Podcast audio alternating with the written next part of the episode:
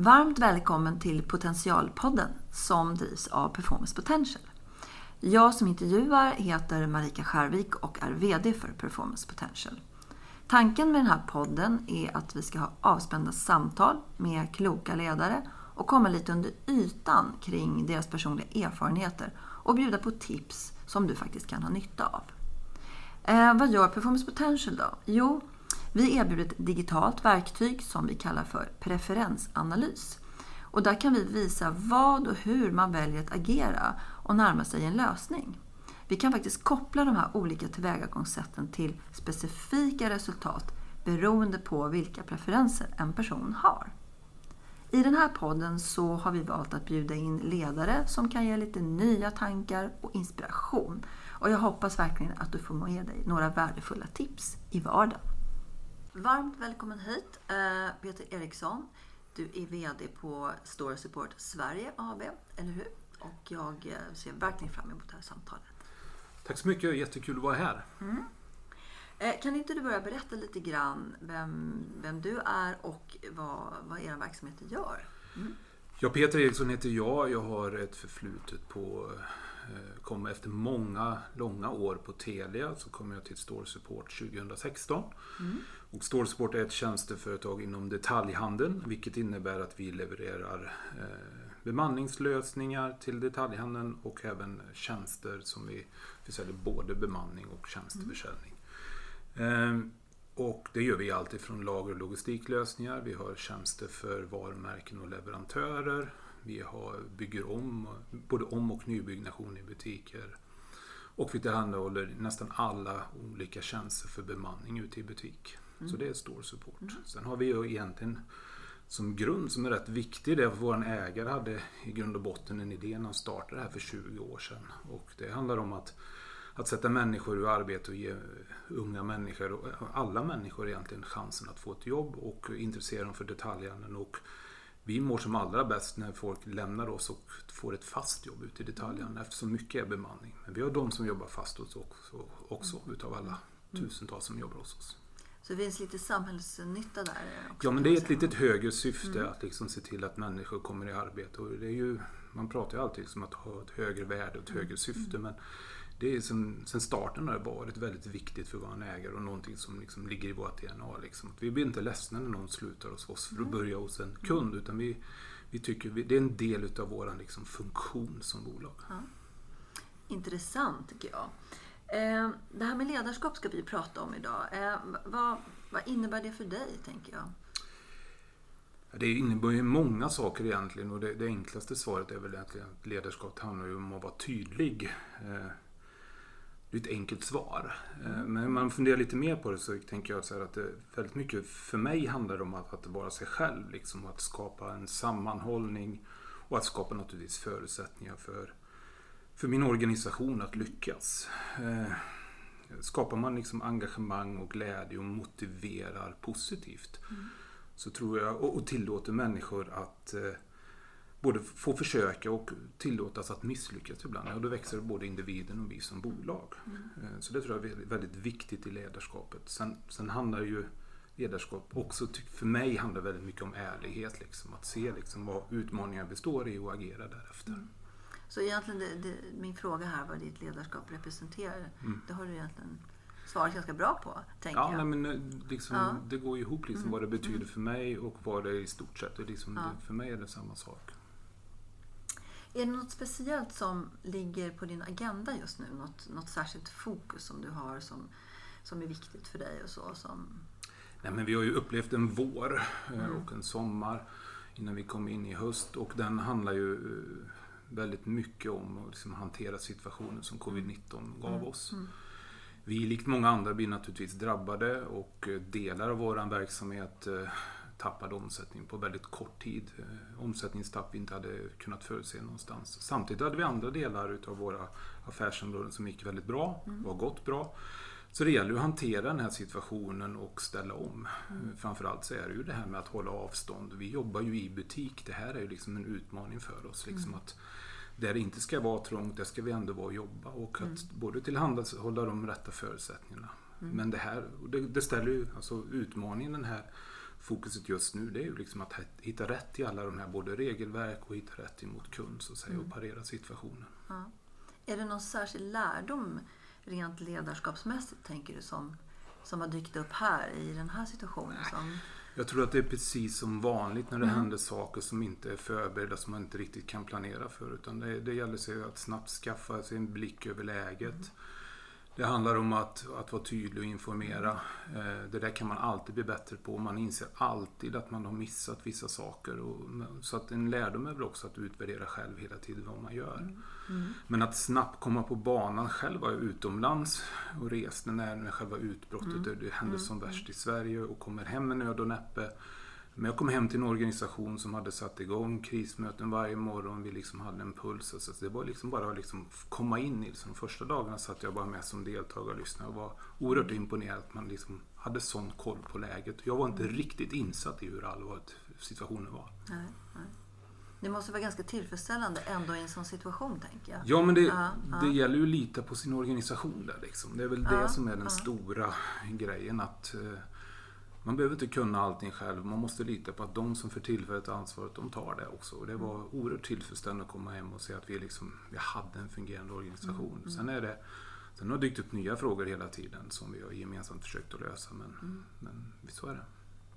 Om du, när du går hem efter jobbet en dag, jag brukar skämta och säga att det gör man aldrig nästan i, i de här rollerna kanske, men eh, någon dag som du är riktigt nöjd med, liksom, vad, vad har hänt då? Vad har du, Nej, men, vad har du haft för alltså, ingredienser? Liksom? ja. Ja, ja. En bra dag innehåller ju, alltså har du en, en riktigt bra dag eller en bra vecka för den Mm, delen som, mm. som innehåller bra ingredienser. Det är ju att, att vi har haft kundmöten, eller att jag har haft kundmöten Mm, och kunderinteraktion och fått feedback på kunder. Både på vad vi kan hjälpa dem med och Mm. kanske vad vi har hjälpt dem med. Mm.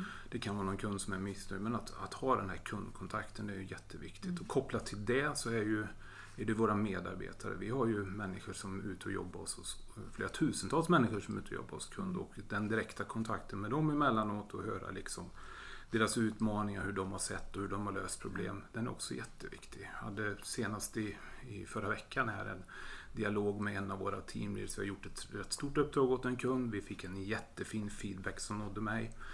Och eh, då ringde jag upp eh, vår Mm. teamleader och frågade honom lite. Vi hade en jätteintressant diskussion om både utmaningarna och också lite initiativ de har tagit som lite oväntat. Så det, den här interaktionen med medarbetare och kund är ju det, är det man måste ha en bra dag. Det kanske också är så i, i de här speciella situationerna som man hamnar i, vad de än må vara, att det finns ett större behov någonstans av interaktion. Liksom. Det finns en längtan efter det på något sätt. Jo men alltså Ja. i ledarskapet är ju kommunikationen jätteviktig och det är inte bara att man kommunicerar vart vi ska och att man är tydlig i sina utmaningar utan det är ju liksom att den feedbacken är det hela tiden liksom. Och just det där att skapa en miljö där man pratar med varandra där det är okej att misslyckas. För utav misslyckanden så lär vi oss mer och växer också. Så att eh, kommunikation är ju, det är ju A och O liksom. Vad, tycker du är svårast då i ledarskapet? Eh, Det är klart det finns många saker som är svåra. Men är det något särskilt som du tycker är extra knepigt att handskas med? Ja, eh, det finns ju många saker. Man har många eh, liksom, utmanande arbetsuppgifter. Men enskilt så är det ju när man, när man tvingas att komma till situationer där man ska tala om för någon att de inte ska vara kvar. Att säga upp människor. Jag tror att det är, det är många ledare som svarar så. Liksom, för att det, där gäller liksom att du ska leverera någonting, du ska vara tydlig. Men det gäller också att se människan. Det gäller att försöka förklara. Och samtidigt i samma läge försöka öppna en dörr till att det här kan vara början på någonting nytt. Liksom. Jag har själv varit i den situationen i mitt arbetsliv där jag har blivit uppsagd och så vidare. Men i slutändan så har det ju liksom alltid blivit bättre. eh, Även om det är jobbigt precis när det händer. Så att det är ju den tuffaste grejen, helt klart. Vad är lustfyllt då?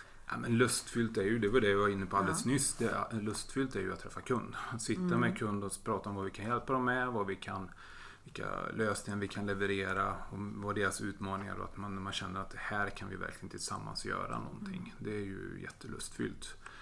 Och det Eh. finns ett ledarskap i det också. Ja, men absolut. grad, ja. Och liksom Mm. kundinteraktionen är viktig. Men, men den, alltså kopplat till det så, så är det ju också medarbetardialogen så att man vet att det sen funkar. Liksom. Ja, För jag kan ju ja. få reda på saker och det, här gäller liksom, när man pratar med kund så, så gäller det liksom att prata kundens språk. Och ju mer man Mm. pratar med kund desto mer förstår man deras utmaningar. Ja. Så det, det är ju det är klart mest, så vi lever av kunder. Mm. Så det, det är det mest lustfyllda att jobba med. Ja. Förut, förutom den utmärkt. egna personalen. Det är väl alldeles utmärkt. Mm. Eh, vad, vad, vad har, hittills, är det någon särskild utmaning som du har haft sådär som du har, har tänkt tillbaka på eh, och som kanske också har lärt dig någonting väldigt Ja. ja, viktigt, tänker jag. Ja. Den största, det är väl kanske en enskild händelse som är den, den som jag liksom reflekterar och jag brukar berätta den där historien ibland när vi har nyanställda och jag har lite introduktion. Men jag, hade, jag blev i princip VD över en natt. Jag, fick, jag var inne som försäljningschef i Store Support och fick frågan om jag kunde gå in som VD i princip nästa dag. Och, eh, jag hade varit VD i fem dagar och eh, jag kände mig väldigt ensam. Jag kände det var många frågor vi skulle hantera. Eh, Vi var inte, det gick inte riktigt så bra som vi hade tänkt oss. Så jag, jag kände mig väldigt ensam den där fredagen jag skulle ta mig hem med tåget. Och eh, jag passerar Drottninggatan och bara någon timme efteråt så sker dådet på Drottninggatan. Eh, Jag får reda på det när jag sitter på tåget hem. Och då var jag ny som VD, var rätt slutkörd efter första veckan och så händer det här. Eh, Och den där det var ju direkt att försöka ringa, se till att vi fick igång någon form av krishantering och sätta sig in i läget. Men det jag lärde mig enskilt den gången, det var hur stark vår organisation var. Jag blev helt övertygad om att jag skulle vara kvar som VD. Eh, Det hände saker som jag inte ens kunde föreställa mig. Människor och medarbetare som tog initiativ, skapade Facebookgrupper och styrde upp och organiserade det här, meddelade anhöriga och så vidare. Så att reflektionen där är ju liksom att alltid lita på sin organisation. För när det väl händer någonting då finns det en kraft och en vilja hos många medarbetare som man kanske inte ser i vardagen. Men det var verkligen tydligt. Liksom. Ni hjälptes åt helt enkelt. Ja, men vi hjälptes åt och sen när jag liksom fick tid att sätta mig in i vad som hade hänt så skapade vi en tydlighet. Vi försökte informera. Vi kommer ihåg att på söndag eftermiddag när vi hade hela läget klart för oss det hade gått bra för alla våra. Det var traumatiskt för några. Så skickade ut ett, ett mejl till hela, alla anställda, det var uppemot 15-1600 som fick mejlet på söndagen. Och någon dag senare så fick jag, vi har, vi har verksamhet primärt Stockholm, Göteborg, Malmö. Men då hade vi en anställd i Sundsvall som mejlade tillbaka till mig och sa tackade för information, så jag är inte alls berörd och så vidare. Men vad skönt att veta att ni hade koll på läget. Så det lärde väldigt mycket att kommunikation är viktigt oavsett om det inte berör någon. Liksom, att man, och att man är transparent och berättar vad man har gjort. Och kanske också visa empati i en sån situation. Jo, men jag tror det. Oavsett när det händer krissaker så gäller det liksom att när människor är utsatta för, för någon drastisk påverkan och, och som är jobbigt för en så gäller det frågan om hur de mår. Liksom. En del sluter sig, en del är väldigt tydliga, kanske gråter eller vad det nu kan vara. Eh, Men att alltid hela tiden fråga hur de mår liksom, och försöka krafsa lite på ytan för de där som inte verkar vara så berörda. För alla är berörda på något. Vi visar det bara på olika sätt. Jag tänker hur, som ledare då, om man nu måste det, eller man kanske gör det för att man är sån själv. Så att säga. Hur bär man andra människors liksom, rädslor och sorg och så i en sån situation egentligen? Vad, hur, hur? Nej men jag, jag tror att det bara är att vara sig själv där också. Liksom, och, Ja. att, och att lyssna och förstå. Det där är ju viktigt i ledarskapet överlag. Liksom, att lyssna och liksom försöka förstå den andras situation. Eh, Genom att liksom närma sig människor. Så är det ju för oss privat precis som på jobbet. Liksom, att vill man hjälpa någon och vara stöd så är det ofta mycket att säga att man finns här. Jag lyssnar om du vill. Och att vara tillgänglig det tror jag är det allra viktigaste. Och hur skapar man utrymme för det då, tänker jag? För, jag menar, det- det är ju ett sätt att inspirera andra, men hur, hur, hur hanterar du det som ledare själv? Som, hur tankar du tillbaka, kan man säga? Den Nej, jag- energin som kanske försvinner där. Nej men den där energin får man ju kanske också av att man känner att man får förtroende. Ja, så att, ja. att, att alltid avsätta tid att prata med sina medarbetare. Man går förbi dem eh, i i vardagen. Liksom man, kanske, man kan ju välja att rusa förbi och bara gå förbi. Eller också kan man bara säga hej. Man kan liksom bara fråga hur det har varit i helgen. Eller man kan göra något lite grann så att man skapar redan från början. Så långt det går. Vi har ju väldigt många medarbetare som jag aldrig ens har träffat. Nej. Eftersom vi är en sån distribuerad organisation. Men att ändå liksom de som är närmast och de man jobbar med dagligdags som i sin tur ska leda andra människor. Att man försöker vara tillgänglig och prata med dem. Och skapa den där så att säga, trygghetskänslan att man, man kan faktiskt säga till när det är tufft också. Och jag tänker potential och så, vi pratade lite om det generellt sett tidigare. Eh, Hur, hur tar du hand, för lite grann handlar det om att hantera sin egen, sin egen energisfär och så. Hur tar du hand om din egen potential? Eller är du bättre på att ge bort till andra? Liksom? Hur, Nej, men det är klart att man måste Ja. eh, att ta hand om sig. Alltså, för egen del så handlar det liksom, jag försöker bara för att man har blivit VD så får Mm. man inte tro att man, eh, att man kan allt. Utan jag kan antagligen väldigt lite utav den totala mängden saker vi ska göra. Eh, och jag har alltid förbättringsområden. Det kan vara i kommunikation, det kan vara i, ja, det kan vara i något datorprogram eller vad som Ja. helst. Eh, så att eh, inte sluta gå på utbildningar och kurser för att man blivit VD. Det tror jag är jätteviktigt att få ta hand om sin egen och stärka sig Mm. själv och Mm. vässa sågen lite grann som man säger. Mm, mm. Men, men också att liksom eh, att ge sig tid att reflektera, lyssna på såna här poddar som vi håller att spela in Mm. eller liknande eller, eller managementböcker eller någonting. Det finns en mängd med saker att ta till liksom att Ja. inspireras av och lyssna på andra och Mm. nätverka. Mm, mm. Absolut, absolut. Eh, hur tar du hand om andras potential då? Nej men jag Har du tror något det. system för det eller någon Nej. process? Eller någon men jag, jag tror att det, det handlar om om man försöker skapa en miljö med relativt mycket tillit och värme och en trygg miljö så, Mm. så gäller det liksom att se människor och fråga liksom, vad skulle du vilja göra? Man försöker ställa lite utmanande frågor.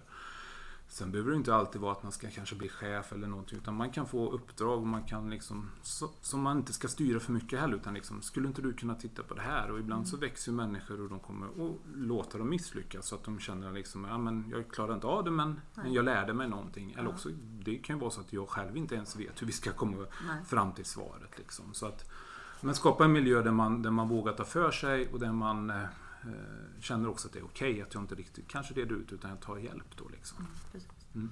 Ledarskap handlar ju också en del om, om beslut och bestämma och kanske visa riktning och sådär. En fråga som jag oftast tycker är spännande att ställa det är liksom, tycker du, gillar du att bestämma? Är det något som är...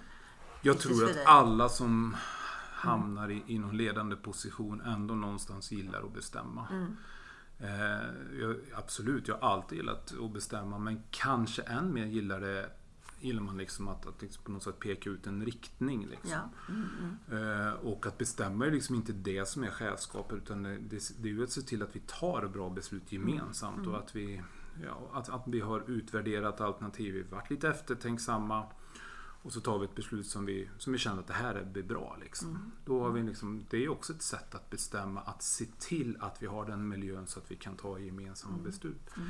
Men det är klart att brinner det till och det måste ske snabbt så har jag inga problem att ta beslut så. Men jag gillar delaktigheten och jag gillar liksom att så många som möjligt är med på banan. Så är det. Och det, jag tänker, det är skillnad mellan delaktighet och konsensus. Absolut. Ja. Man behöver ja. inte, absolut inte vara eh, konsensus i allt. Utan eh, delaktighet handlar om liksom att jag är med och jag, jag har en avvikande åsikt och den respekterar vi men vi tar ändå det här beslutet. Ja. Så att har man fått säga ifrån innan och då kan man ju också ha en diskussion om, om varför man har en avvikande. Och i, i slutändan kanske vi ändå är hyfsat överens. Liksom. Ehm, det, det är lite ledande fråga kanske, men det du pratar om är ju ganska värderingsdrivet. Mm. Eller hur? Mm. I alla fall har jag det. Mm. Och jag tänker så här, är det några speciella värderingar eller man kan säga områden som du känner att där, där går verkligen gränsen. Här, där, där jag säga, går topplocket, så kanske man inte kan uttrycka sig. Men det finns vissa, så här, det finns vissa områden där, där man inte don't go there. Liksom. Har du några sådana exempel? Nej men det, det handlar väl liksom om eh, värderingar sitter ju djupt eh, beroende på hur man jobbar med dem. Eh, värderingar känner jag väl är någonting som man inte bara ska prata om utan det där ska ju kännas i själ och hjärta på något sätt hos Mm. alla. Då, då är det en riktig värdering. Mm.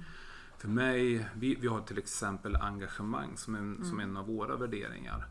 Eh, Och då är det viktigt att jag själv liksom har ett jättehögt, och sån är jag som person. Eh, Jag har ett högt engagemang oavsett om det är i saker jag väljer att Mm. göra, oavsett om det är privat eller så vidare. Jag, jag går nästan alltid all in liksom Mm. på de saker jag bestämmer för att göra. Och jag tror att det är viktigt med, med värderingar att man liksom både föregår med gott exempel men också att man liksom att det inte blir någonting som man pratar om och som man Mm. behöver så säga, fråga om och folk har svårt att komma ihåg för då är det ingen riktig värdering utan här måste sitta i själ och Ja. hjärta.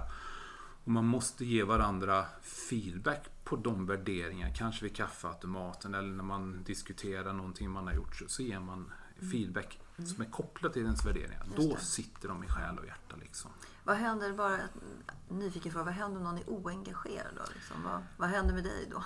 Nej, men jag tänker så här att, att vi, man är ju på ett jobb för att man liksom, dels så, så har man det som sin sysselsättning, mm. man får lön och så vidare. Liksom. Men har man liksom inte med sig hjärtat och passionen och engagemanget då är det kanske dags att man ska se sig om mm. efter någon annan roll. Det, det, kan ju vara så att, att, engagemanget i det här fallet skulle kunna uppstå om jag, får, om jag har en annan uppgift eller en annan eh, roll. Mm. Mm. Eh, det behöver inte vara så att man är fel. Det kan ju bara vara så att jag på något sätt har kroknat lite i min uppgift ja. som jag just nu ja. håller på med. Ja. Eh, och inte kanske känner att jag hittar utveckling. Mm. Så det gäller ju liksom att navigera. Men det är viktigt att utifrån inte bara KPI och måluppfyllnad utan också prata liksom, hur känns det och hur mår du? Liksom? Mm. Jag upplever det här.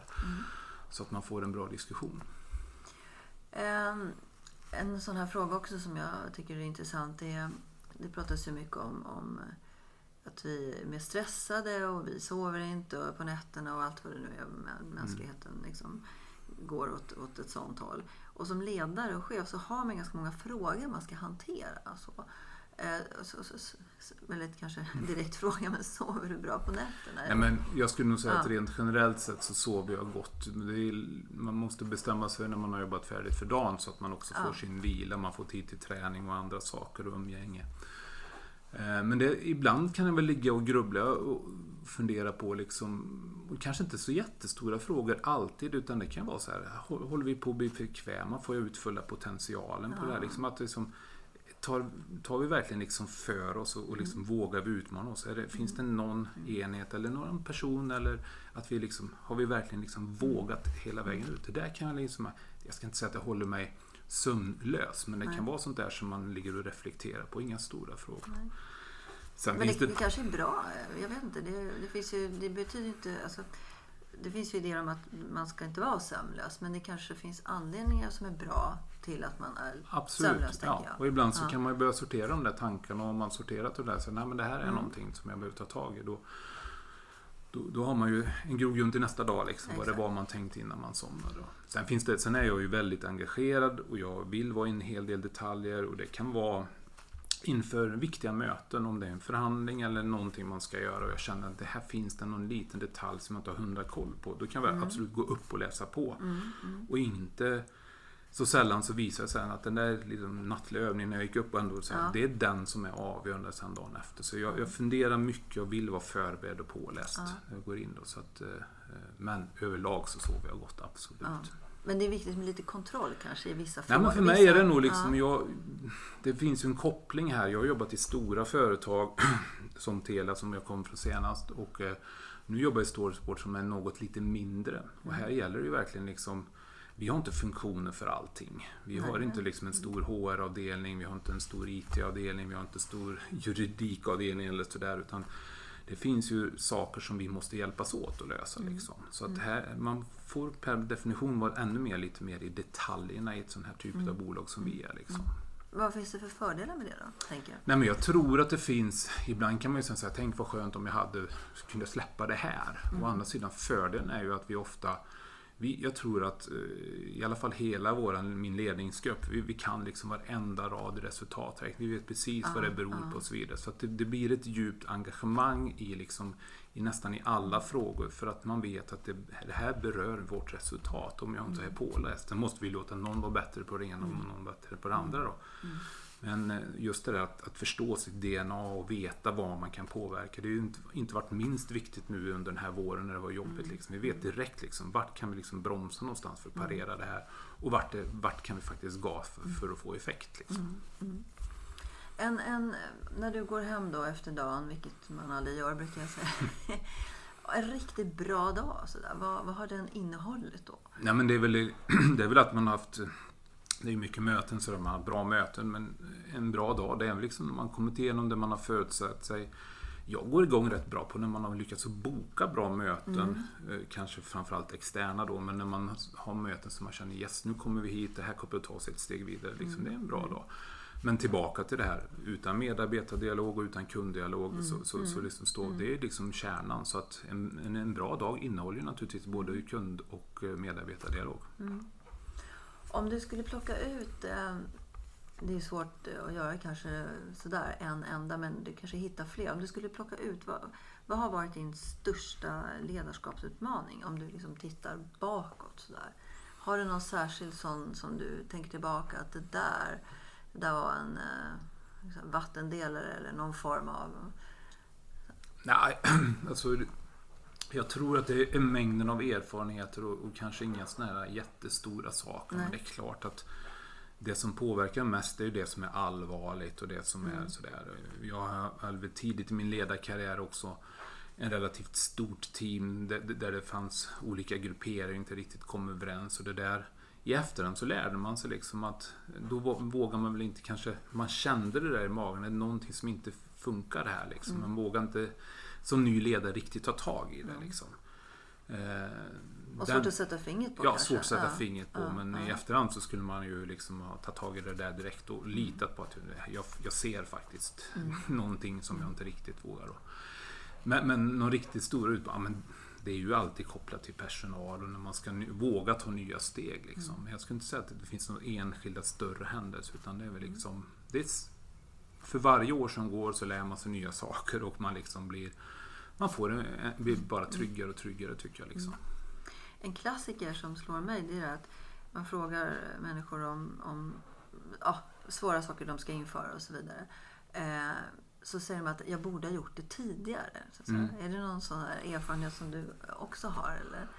Ja, men man liksom absolut. Liksom suger, man suger liksom på, ja. på skärpet jo, men, och, och Det tror jag handlar väldigt, väldigt mycket om, om eh, den här erfarenheten som man har byggt upp. Mm, eh, mm så här i efterhand så kan man säga att jag borde lagt mycket mindre tid på många saker. Man har liksom överarbetat en del saker som i efterhand visar sig att det här var helt onödigt. Mm. Liksom. Så det där bygger ju liksom över tid också att man lär sig och blir trygg i det. Liksom. Ja, mm. om, du fick, eh, om du fick leva om din säga, ledarskapskarriär, mm. vad, vad, skulle, du, skulle du ha gjort något annorlunda? Eller vad, hur tänker du Nej, men det, det, det, är nog liksom det där att liksom ibland tänka till. Liksom, är det här viktigt eller inte viktigt i förberedelsefas? Mm. Eh, och sen är det ju så, det är lätt att säga i efterhand, men liksom att, att lita på din magkänsla. Läs på och, och lita liksom på vad du tror. Jag har gått emot min magkänsla några gånger under min ledarkarriär. Och det har aldrig blivit bra. Liksom. Och när man litar på den så då gör man ju rätt. Och jag tror att det är lättare att formulera sig om det känns rätt i hela kroppen också. Och då blir du tydligare och då blir du liksom, får du mer ut ditt ja. budskap på rätt sätt. Liksom. Och trovärdig förstås. Ja, och, och trovärdigt. Ja. Om du skulle skicka med då lite råd till eh, omgivningen, andra chefer eller så. Vad, vad, tänker du då utifrån den erfarenhet som du har? Vad, vad skulle du vilja dela med dig om du väljer två eller tre råd sådär? Nej, men jag tror ju att, att man måste liksom, det, är populärt liksom att, att säga att men var, var ett föredöme. Liksom. Det du vill mm. att andra ska göra, försök att göra det själv och visa och vara ett gott föredöme. Mm. Liksom, och inte sitta på för höga hästar. Det är väl det. Liksom. Och sen, sen finns det en, någonting som jag tror är viktigt i kommunikation. Det finns ett språk att lära sig och det är namn att lära sig medarbetarnas mm. namn så långt som möjligt. Liksom. Vad, vad, heter de och lite kanske vad de har för relation hemma och så vidare så man har ett sammanhang.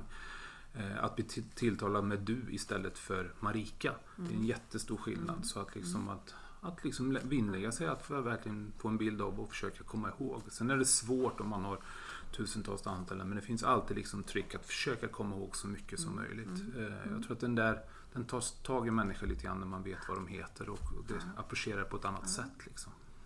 Det är en god tanke, mm. absolut. Eh, mm, något annat som du har funderat på sådär som du vill eh, skicka med? Uh. Nej, alltså det här med, ledarskap är ju svårt och stort. Liksom. Mm. Och, det är liksom, eh, och jag tror inte att jag tror aldrig att någon kommer vara bli färdig liksom i sitt ledarskap. Liksom. För det, där, det ledarskapet har du ju privat, du har det liksom med dina barn och du har det kanske i föreningar och så vidare. Liksom. Men eh, för min del så var det väl en sån där grej som, som egentligen satte fart varför jag är ledare och varför det kanske har blivit som det har blivit. Det var att jag är redan i redan som 14-15-åring började vara hockeytränare. Eh, och eh, och, och, och, så blir man ju ledare då liksom. Man får ge instruktioner, man får coacha ett lag, man får svetsa samman och så vidare.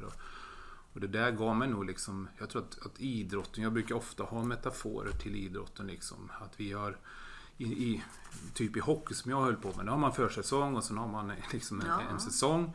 Och sen så vilar man lite och så är det försäsongsträning. När man jobbar på jobbet har man ju aldrig försäsong. Mm. Det, är liksom, det är match hela tiden. Ja, Eller också är det ständigt mm. försäsong. Och det är mm. liksom snarare så att vi inte saknar försäsong. Utan det, försäsongen pågår hela tiden. Det vill säga att man måste hela tiden vässa sig. Liksom. Ja, det är helt, absolut. Klokt klok tänk. Klok tänk.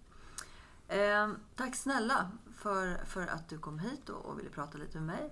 Och jag vill också säga att jag är väldigt tacksam för det samarbete som vi har. Eh, vi har ju bjudit hit eh, egenmäktigt förfarande, kloka personer som vi anser och jag tycker att du är en sån.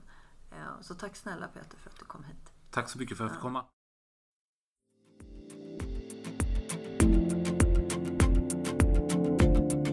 I idrottsvärlden känner varje individ till sin process för prestation och leverans ganska väl. Men i näringsliv och organisationer är det ofta en otränad och kanske omedveten kunskap.